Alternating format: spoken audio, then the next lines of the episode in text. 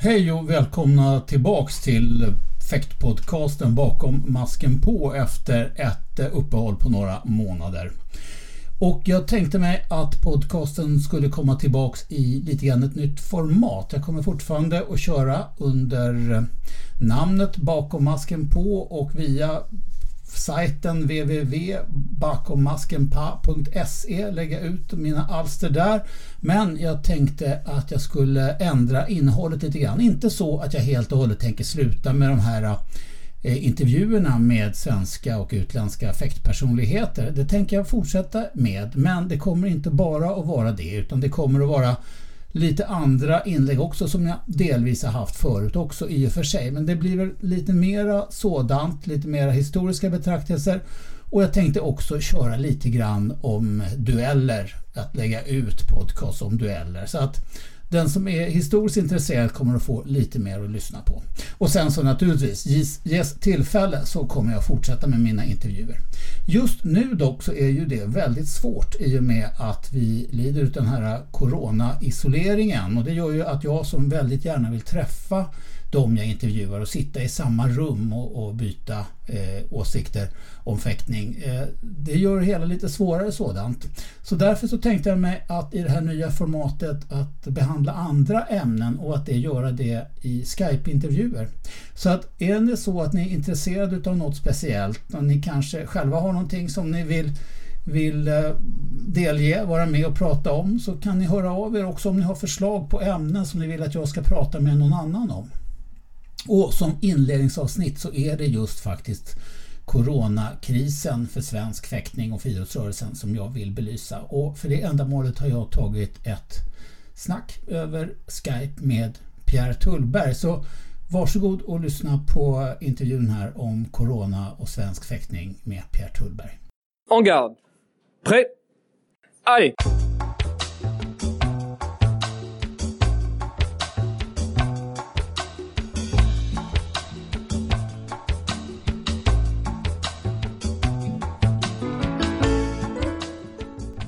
Och du, du, vet du vad? Du börjar med att svara Pierre Tullberg och så lägger jag på ringsignalen efteråt och sen så pratar vi. Okej. Okay.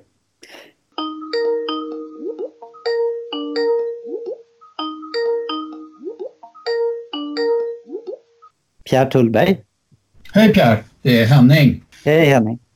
Är du redo för att vara med i Bakom masken på nu, en podcast i coronatider? Jag hoppas det. Vad bra. Du, alltså skälet till att jag vill sparka igång den här äh, podcasten igen, det är inte bara att vi lider av corona utan det är att eh, jag tycker att det är väldigt viktigt och intressant också att vi får, får veta lite grann om statusen i Effekt Sverige nu. Det känns ju som vi har stängt allting och eh, då tänkte jag att rätt person att ge lite grann en status på hur vi ligger till, det, det, är, det är du. Hur, hur ser det ut? Är det någon fart på på förbundet och kansliet eller jobbar du hemifrån? Ja, eh, jag jobbade på kansliet i två veckor tror jag, någonting sånt där efter att, alltså det smällde ju till där någon gång den 12-13 mars. Uh, och RF, jag, jag, jobbar ju i Idrottens hus där, där Eh, det sitter en massa förbund och hela Riksidrottsförbundet. Ja, ni sitter i så här öppet landskap ja, med, med massor med andra förbund som ni delar lokaler med.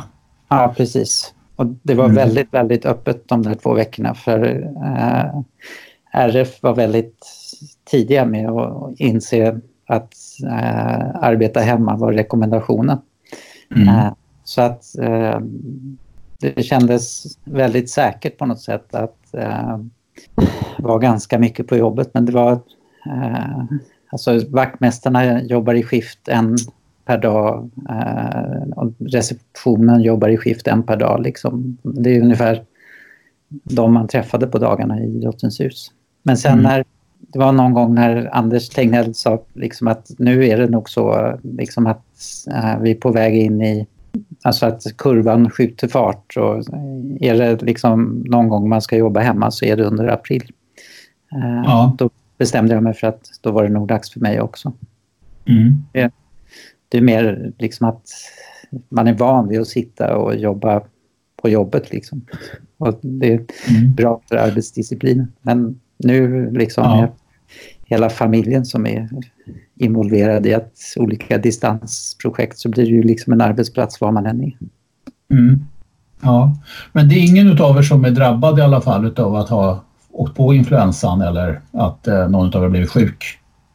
Mm, menar du familjen då eller menar du? Ja, jag menar familjen faktiskt. Det var så jag, jag tänkte. Äh, jag tror att mina både eh, min fru och mina två barn har, mina, jag tror att alla har haft corona faktiskt. Mm. Uh, uh, och definitivt min, min son och hans sambo. Mm. Uh, men alltså, man vet ju inte säkert vad det är för någonting. Men de har haft sån här, liksom just att tappat lukt och smak och sånt där. Som ska vara ganska tydliga indikatorer på att det är frågan om covid-19. Precis. Du, hur, hur gick det med, med, med allmänna telefontrafiken och så här, kontakterna för dig då att jobba hemifrån? Att, att det fungerar bra, det förstår jag, men vad, vad hände rent allmänt? Gick det ner? Försvann också alla, alla kontakter med omvärlden i och med att du gick, satte dig hemma eller har du, har du fortsatt? Nej, ja, de fortsätter. Alltså det, det är lite... Uh, hur ska jag säga? Nu tycker jag att det har skjutit fart. Det, det som var påfallande de den första veckan, den andra veckan när, när alla började arbeta hemma. Det var, jag, jag funderade på vad som hände liksom för att eh, man fick väldigt mycket mindre e-postmeddelanden, det hände mycket mindre. Mm. Uh, och det kändes som att man satt själv och bara höll på och skrev en massa meddelanden om inställda tävlingar och mm. uh, Folkhälsomyndighetens senaste rekommendationer och sånt där. Men, men nu är det mitt intryck att alla har på något sätt anpassat sig. Nu, jag är liksom... jag är mer stressad nu än vad jag är normalt nästan. För det liksom dimper ner viktiga mejl som, som eh, man behöver fundera över. Och det är liksom lite nya frågor och det känns som att man måste hålla ögonen öppna på andra saker. Ja. Och sen precis som du antydde i början liksom, så finns den här oron kring alltså vad händer i svensk fäktning? Eh, tappar vi fart totalt? Eh, känner alla sig liksom bara liksom vilsna och utan mål? Eller är det så att föreningarna har anpassat sig till situationen och bedriver liksom träning på säkert sätt Eh, och kanske funderar på att jobba med utomhusträning och eh, har budskapet om att eh, det är en unik möjlighet att riktigt genomföra en försäsongsträning som är på allvar. Har, har det liksom mm. kommit fram någonstans? Och så. Mm. Ja, så vi kan, vi kan återkomma till klubbarna lite grann. Jag tänkte det är en helt ny förbundsstyrelse också. Mm. Har, har de fått möjlighet, tror du, att eh, hitta någon form utav, utav eh, styrfart i tillvaron eller har arbetet där helt och hållet bara upphört efter det att vi hade årsmötet? Det var väl egentligen det sista som hände innan, innan coronan slog till på, på allvar här. Ja, det var ju det känns som en väldig fördel att eh, vi ligger ju alltid väldigt tidigt med våra årsmöten, första helgen mm. i, mars. Och Eh, det var alltså, det har varit ganska jobbigt för många andra förbund vet jag, liksom hur de ska hantera det. Det är vissa som liksom har skjutit upp sina årsmöten och andra har fått ha olika typer av digitala lösningar som jag i och för sig tror har fungerat bra men som har krävt ganska mycket arbete. Så det, det var jätteskönt att vi hade haft årsmöte. Sen hade vi då, tanken var att styrelsen i Svenska Fäktförbundet skulle ha en eh, liksom komma igång-helg den 22-23 eh, mars. En lördag och söndag. Eh, och vi hade eh, faktiskt förberett väldigt fint, började fundera på det redan i december, liksom, att vi skulle ha eh, eh, en processledare som hjälpte oss genom lördagen och kom överens om arbetsformer och eh, lite så här onboarding om, om digitala eh, rutiner och sådär. Eh, men det blev ju då liksom... Mm. Veckan innan så blev vi liksom bara tvungna att ge upp det. Liksom. det eh, gick inte att begära att folk skulle komma från olika delar av världen, och, eller olika delar av Sverige i alla fall. Mm. Och istället så fick vi då eh, hitta verktyget Teams i vår Office 365-lösning. Eh, och hade ett, ett eh, tre timmars styrelsemöte i Teams där vi, eh, alltså vi fick dela upp allt. Eh, och, och eh, det första mötet handlade väldigt mycket om ja, så här, alla attestansvar och firmatecknare och alla ledamöter i alla kommittéer och hur, hur det ska se ut. Mm. Uh, och sen hade vi ett nytt Teamsmöte i söndags nu den 3, 4 april. Någonting sånt. Uh, kan det vara för... Nej, 5 april. Förlåt. Mm. Uh, där vi liksom betade av Eh, de, eh, uppdateringar av arbetsordningen, eh, hur organisationen ska se ut under det närmaste året. Och sen så har vi då som en lösning så har vi lagt in tre möten fram tills, tills det blir sommarsemester i juli. Mm. Där vi Eh, Eh, ska diskutera tre olika teman. Eh, landslag, föreningsutveckling och utbildning. Ett på varje. Eh, och samtidigt då förstås följa upp den verksamhet som, som eh, faktiskt ändå håller på nu. Mm. Och, och, det tror jag blir bra faktiskt. Det, det är tråkigt att inte träffas och det, är men det är, det är fruktansvärt effektivt tycker jag då, med de här Teamsmötena. Liksom, för att det mm. blir ett väldigt fokus på det man ska göra. Ja. Är ni uppkopplade med kamera då i Teams eller sitter man bara Nej, med ljudet? Vi har inte varit det. Jag har funderat på det lite så här att eh, någon gång ibland ska man nog vara uppkopplad med kamera. Eh, mm. det, eh, det, det, blir lite personligare. Men mm. samtidigt så Eh, det hänger liksom på att alla har tillräckligt mycket bandbredd och jag tror att vi, vi alla är lite rädda ännu så länge för att det ska sluta fungera på något sätt. Ja. Men det, så att det, det är i alla fall, det rullar på. Det förekommer en del arbete. Det har inte stannat upp. Stannade upp lite grann initialt men ändå sen så har ni kommit tillbaks lite grann till, till arbetsformer på förbundet och också för din del. Och om vi ska återgå ut till klubbarna, hur, hur ser det ut där? Vad har du för vad är tempen ute i Fäkt-Sverige? Tränas det någonting någonstans? Ja, det är mitt intryck att äh, äh, i de allra flesta föreningar så pågår träning fortfarande. Äh, mm. Den träning som tar mest stryk tror jag är barn nybörjarfäktningen så att säga. Där, där har nog... Det, alltså jag tror att den pågår Eh, det är, det är inte jättevanligt mm. att man har ställt in den. Eh, men eh, den... Alltså, eftersom rytmen för, i många familjer har ändrats och alla är lite nervösa för olika saker. Och, mm, jag, vet, jag kan inte riktigt förklara, men på något sätt så, så Eh, det är några som har sagt, de jag har hört, de har sagt att de, alltså deltagandet har liksom gått ner till kanske hälften ungefär i, i uh, nybörjargrupperna. Ja. Uh, och deltagandet går ner, har gått ner också i de andra uh, grupperna, där, där, men, men mindre. och tänker man efter så är det alltså bara det faktum att så fort man är det minsta snuvig eller eh, känner sig lite krasslig så, där, så ska man stanna hemma.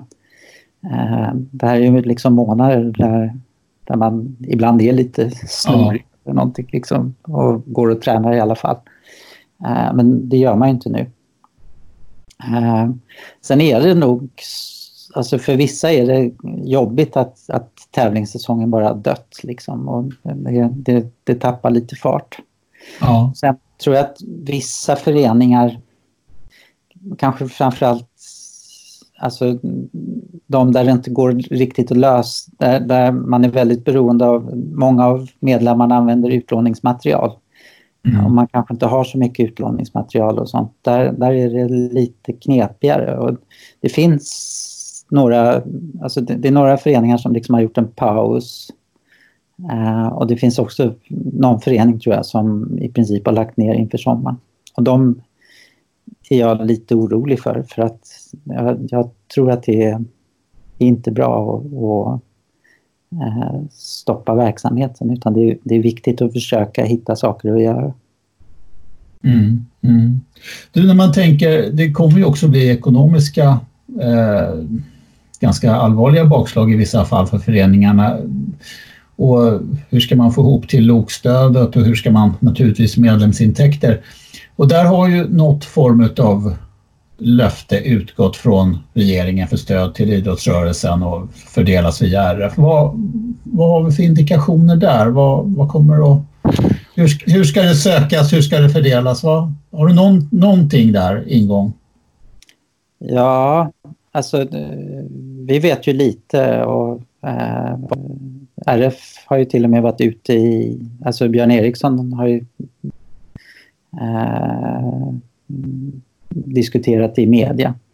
Mm. Uh, och det, det, man, det man säger det är liksom att uh, stödet ska framförallt gå till att slå vakt om uh, den ideella föreningsidrotten och verksamheten för barn och unga. Mm.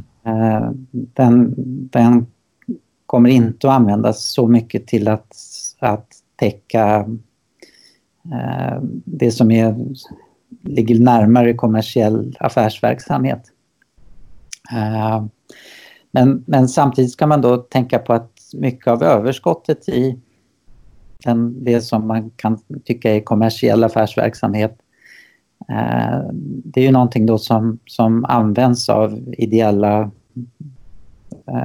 alltså i barn och ungdomsverksamheten i ideella idrottsföreningar. Om man tar DN-galan eller Göteborgsvarvet eller mm så, så är det ofta ideella föreningar som ligger bakom som eh, då bedriver väldigt viktig verksamhet med hjälp av de överskotten. Eh, och för våra föreningar, alltså det är ingen tvekan om att flera av de evenemang som är inställda innebär att eh, eh föreningar har gått miste om, om, gått miste om intäkter som mm. är viktiga för dem och i vissa fall kan vara väldigt viktiga. Uh, mm. uh, och mycket, de kommer att få möjlighet att ansöka om, om kompensation för uh, de här bortfallna intäkterna. Mm.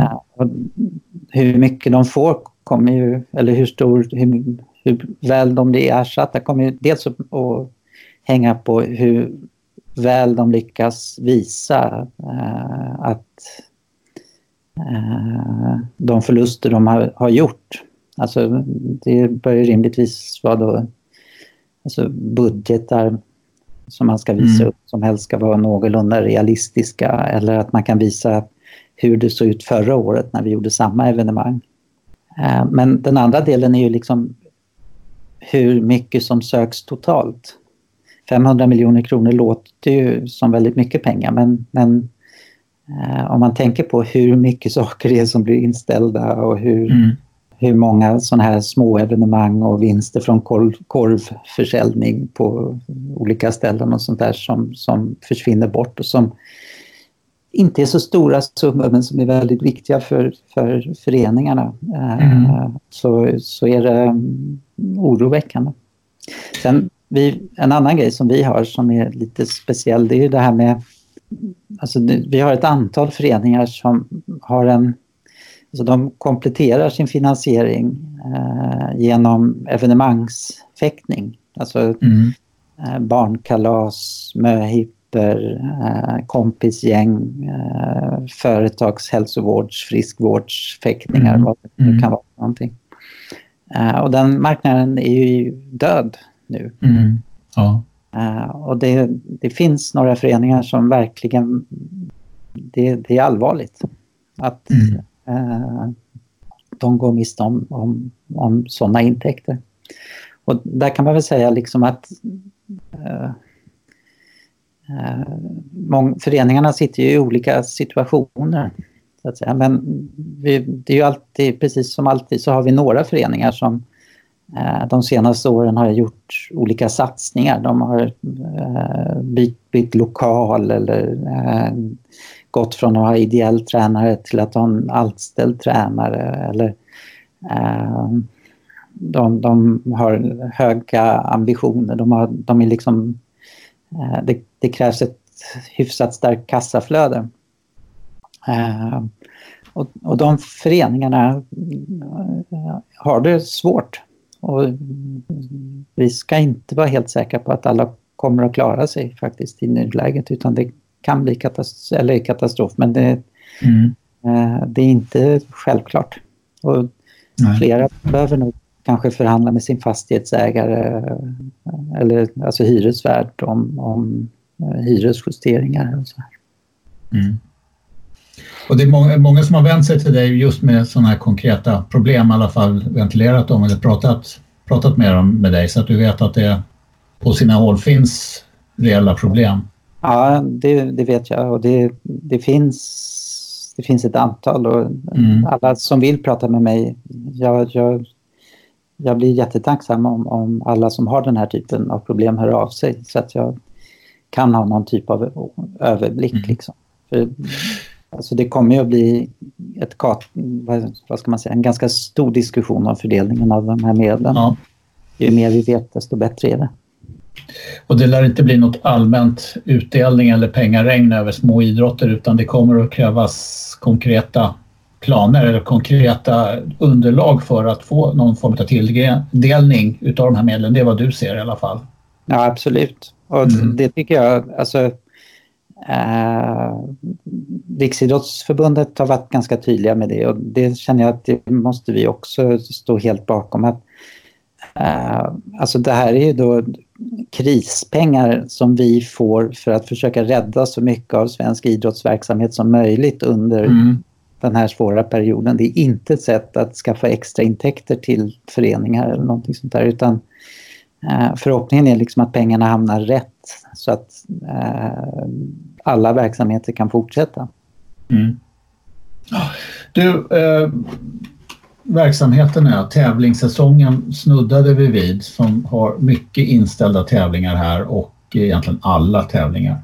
Ja. Eh, och att det här naturligtvis har ett, en dämpande effekt på träningsviljan och på fäktarna och så. Vad, vad, vi har ställt in allt, SM och Sankt Erikskuppen i Stockholm och eh, Malmö International. Eh, allting är i praktiken inställt. Mm. Eh, har man sagt någonting? Kommer SM att fäktas vid senare datum? Är det något bestämt eller? Det är inte bestämt. Uh, alltså det, uh, vi, vi har... Uh, det finns en lista på fencing.se över de olika evenemangen som, som inte har blivit av. Och på vissa står det inställd och på andra står det uppskjuten. Mm. Och det kanske man inte ska hänga upp sig allt för mycket på liksom därför att hur ska jag säga, de, i, i början så var det många som sköt upp och sen är det allt fler som har ställt in. Så att säga, mm. Därför att man har gradvis insett hur svårt det ser ut att bli. Uh, men alltså vi har sagt så här att uh, för att få någonting att planera efter uh, så utgår vi i nuläget ifrån att det kommer att bli en eh, säsong eh, en normal säsong som, som börjar i september. Eh, och att vi bör liksom göra en preliminär tävlingskalender utifrån det och eh, försöka ja, se till så alltså, på något sätt måste ju lokaler bokas och mm, eh, mm. planering göras. Eh, och sen så när det handlar om de evenemang som har blivit uppskjutna och kanske framförallt SM-tävlingarna så får vi ju då föra ett resonemang med respektive arrangör om eh, hur det eventuellt, om, om, de, om det går att genomföra under hösten.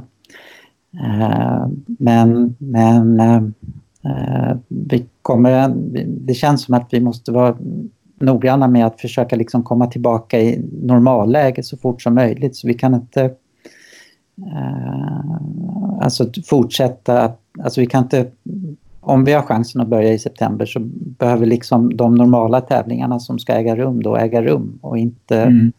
skjutas ytterligare framåt för det, det, det blir för administrativt komplicerat.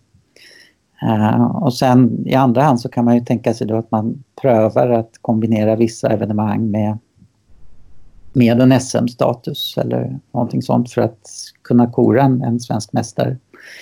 Uh, men vi, vi, vi har ju då ytterligare ett problem som handlar om åldersklasser. Mm. Där, där det är, alltså om, om vi ska ha ett kadett-SM i höst mm så, så kan inte det samtidigt vara en kadetttävling i normalfallet därför att de kadetterna som ska vara med, de är för gamla. Så att mm. de, vissa av dem har blivit juniorer efter första mm. juli. Sen vet vi ju det att äh, efter... Vi kan planera allt vad vi kan, men sen har vi ju då äh, den internationella kalendern att ta hänsyn till också. När FE mm. till slut kanske har hittat olika lösningar eller formulerat en hypotes och, och presenterar hur de har tänkt sig att framtiden ska lösas. Liksom. För det, eh, vi har det, det är svårt för oss, det är väldigt tråkigt att våra tävlingar är inställda men i jämförelse med den situation som FE sitter i så, så är ju vår situation nästan enkel höll jag på att säga. Liksom, där de ska mm hantera liksom covid-19 situationens olika stadier i hela världen. Oj, oj, oj. Ja, precis. Och de är inställda naturligtvis, de här stora junior-VM och kadett-VM och U23 EM och sådant. Vad tror du där? Kommer de helt enkelt att försvinna ur kalendern eller kommer man att försöka samla ihop även när man överåriga för att kora en, en, en världsmästare för juniorer 2020 vid ett senare det, tillfälle? Det finns en president från för länge sedan eh, när kadett, jag tror inte kadett-VM fanns då, men junior-VM sköts upp och eh, avgjordes på hösten i, ja. i Istanbul eller någonting sånt där. Eh, och det är ju då sagt hittills att eh, kadett och junior-VM i Salt Lake City är bara uppskjutet, det är inte inställt. Eh, mm. Men alltså, jag är ganska övertygad om att alltså, FE måste prioritera. Och den stora, en stor utmaning är ju liksom att, att få ordning på OS och OS-kvalet. Mm. Uh, där, där man ju liksom var tvungen att stanna innan det var avslutat. Liksom. Mm. Ja. Och jag tror att de kommer att fokusera det först. Och sen mm. äh, hänger det väl mycket på... Jag tror inte de kommer att placera kadett junior-VM på någon annan plats utan det är i så fall om det på något sätt skulle vara möjligt inom rimlig tid att genomföra den tävlingen i Salt Lake City som, som det kan komma att bli av. Mm. Men, alltså det är ju... Det här är väldigt... Det finns många spekulationer i svang liksom men Eh, det är ingen som riktigt vet. Så, alltså den, den, stora frågan är ju liksom när kan man ha internationella tävlingar igen? Mm. Ja, något VM hade vi ju inte haft i sommar i alla fall i och med att alla grenar nu är OS-grenar. Men du var inne på OS där och det är ju skjutet ett år. Mm. Men vad finns det för alternativ för den här kvalificeringen som man är halvvägs igenom? Hur långt har man kommit i OS-kvalificeringen generellt? Eller hur långt hade man kommit nu när det bröt? På varje vapen så var det en tävling kvar. Eh, på ett mm. av vapnen så är det en GP-tävling kvar. Eh, det vill säga det är bara det, det lagkvalet är klart men, men äh, mm. Äh, den individuella kvalet är inte klart. På de andra två vapnen så är det då en världscuptävling vilket innebär att det är en tävling individuellt och en lagvärldscup som är kvar. Uh, och efter det så är liksom grundkvalet klart och sen så ska man då ha den här mm. zonkvalificeringstävlingen. Ja. Uh, och Frågan är då hur man gör. Alltså det här är, det, det är verkligen inte lätt att se hur man ska hantera situationen därför att man kan ju inte ta bort... Alltså, äh, även individuellt i nuläget så finns det ju folk som är, är redan är klara för OS. Det vill säga att mm. även om de skulle låta bli att vara med på den sista tävlingen äh, så skulle de ändå ja. vara kvar därför att de, de är så klara. Mm. Och, och, det känns helt orimligt. Alltså det kvalet påbörjades ju liksom i april 2019. Mm. Uh, det, det, känns som att det kan man inte ta bort. Liksom, vi kan inte börja om från början och köra någon slags ny kvalserie utan de resultaten som folk har skaffat sig under ett OS-kval måste ju få finnas kvar. Men samtidigt så är det ju då så, ja, när är det då lämpligt att köra den, den sista kvaltävlingen och zonkvaltävlingen? Ska man göra det nu på hösten inför en tävling som är i juli nästa år? Eller ska man vänta med det till normal tid kanske och ta... Eh, alltså vänta ända tills mars med, med den sista individuella, de sista världscuptävlingarna och sen så köra zonkval i april nästa år. Eh, eller hur ska man göra? Och hur kommer det att funka med den övriga säsongen? Liksom, var ligger motivationen i att delta i världskuppen och, och mm. äh, världsrankingen? Om man redan är kvar, klar för OS nu, då kanske man inte är så där jätteinspirerad och äh, vara med på alla världscuptävlingar. Hur, hur funkar det? Och mm. vad ska man göra med VM nästa år? Mm som ska äga rum i Kairo. Ska det, jag hörde någon annan podcast där de pratade om att den får man kanske då flytta till eh, oktober, november nästa år. Alternativt, mm. alltså statuterna säger ju att det år det är olympiskt år så ska inte VM genomföras. Eh, utan då är det OS som är VM. Eh, vad betyder det då att eh, VM 2021 skjuts upp till 2022. Och så, ja. Mm. Det är verkligen inte lätt att vara internationella effektförbundet för tillfället, det är helt säkert.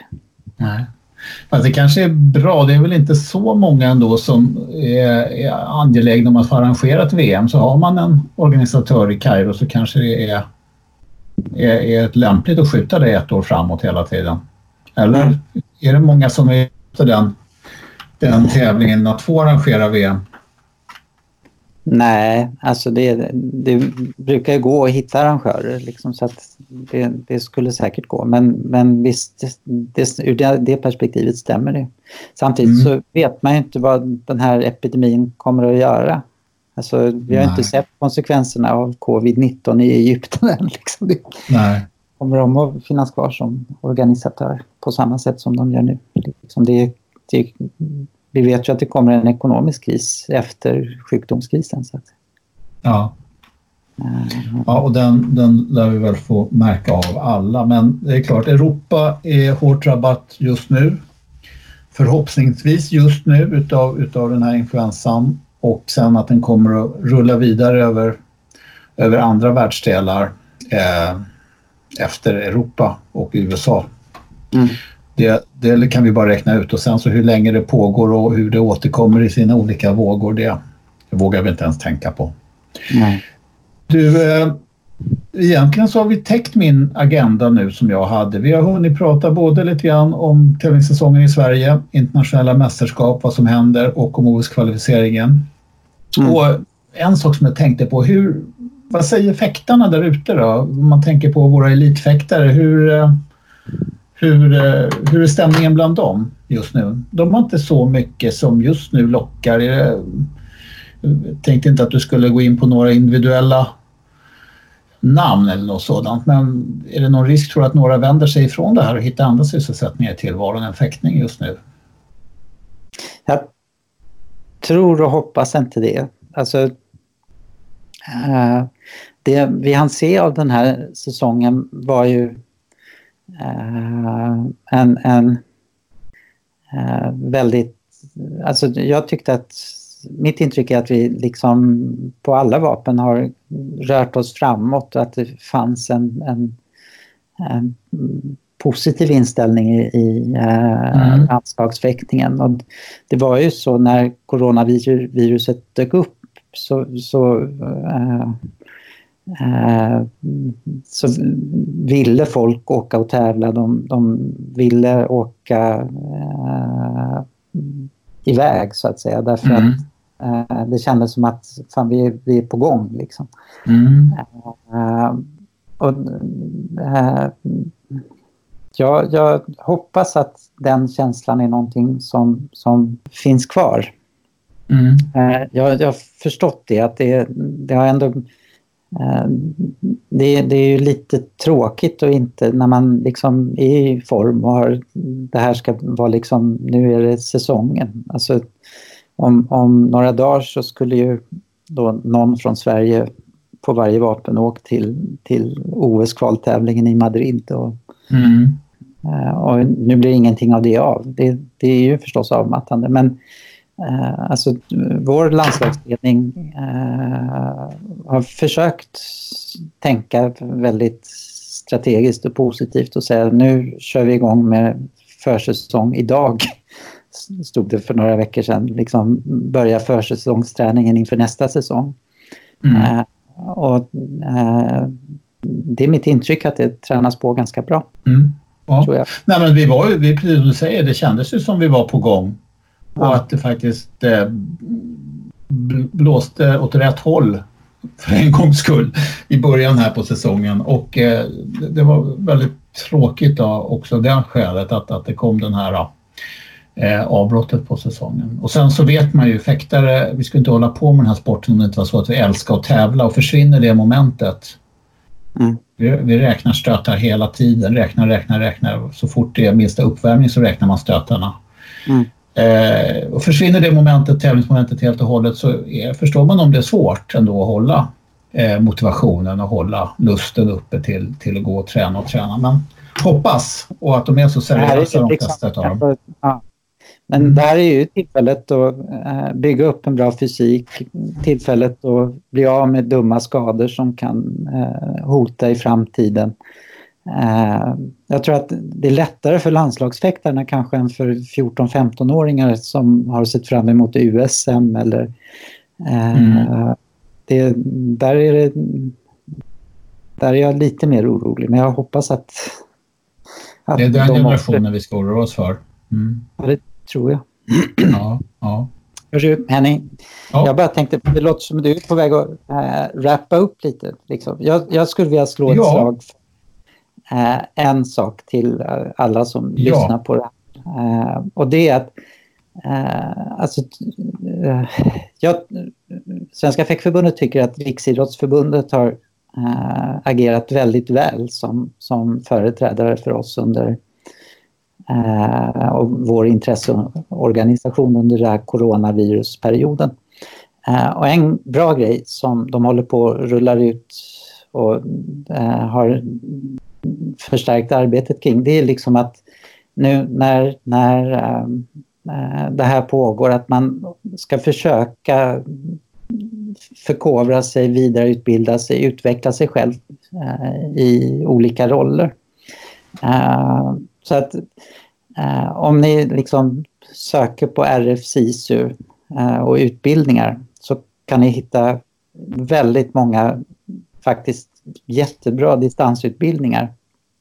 Eh, Uh, utbildningar för att utveckla ledarrollen för ledare i, alltså tränings, tränare eller, eller Eh, coacher, eh, utbildningar för att utveckla styrelsen och, och eh, andra typer av liksom föreningsfunktionärer handledningar i hur man liksom inleder en dialog med de aktiva och liksom pratar om verksamheten i, i föreningen eller träningsgruppen eller någonting för att liksom se om man kan passa på att förbättra saker när det finns när det inte är trycket att nästa helg ska vi tävla hela tiden. Mm. Uh, och man kan dessutom då alltså utbilda sig till lärgruppsledare. Man kan, det, det, finns väldigt mycket bra grejer som de har öppnat upp och dessutom så har de då öppnat upp eh, gratis eh, ett stort material som heter Träna utomhus med massor av liksom, övningar och råd och tips om hur man organiserar det. Man kan gå en ganska omfattande och ambitiös första hjälpen-kurs eh, eh, i hur man liksom hanterar olika typer av skador men även livs, livshotande saker helt gratis utan kostnad. Eh, mm. Och de är, det, är jättebra material. Eh, och sen om man då är beredd att betala, de är även de utbildningar som kostar lite pengar kostar lite pengar, liksom 100 spänn, så kan du eh, få tillgång till väldigt mycket kunskap som hjälper dig att utvecklas på många olika sätt. Så om jag skulle lämna någon ytterligare rekommendation så, så mm. eh, fortsätt träningen, träna gärna utomhus eh, så fort vädret tillåter och missa inte att gå utbildningar och fortsätta utvecklingsarbetet nu när det finns utrymme att utveckla. Mm. En liten så här, jag känner mig ja. tvungen att säga det liksom, för att det, mm. det är en himla möjlighet för oss om vi tänker ja. på det sättet. Men det får vi väl faktiskt tro allihopa att vi kommer att komma starkare som samhälle ut mm. genom den här krisen. Det är väl Precis. det enda positiva vi, får, vi kan säga. Det, vi kommer att komma starkare ut. Du Pierre, ehm, då önskar jag dig en glad påsk. Jag tycker att vi har fått med en det. Eh, vi mm. spelar in det här på skärtorsdagen. Jag kommer försöka lägga ut under påskhelgen här och eh, hoppas att många tycker att det är intressant. Tack ska du ha. Tack Henning, ha det bra. Tack, hej. Hej.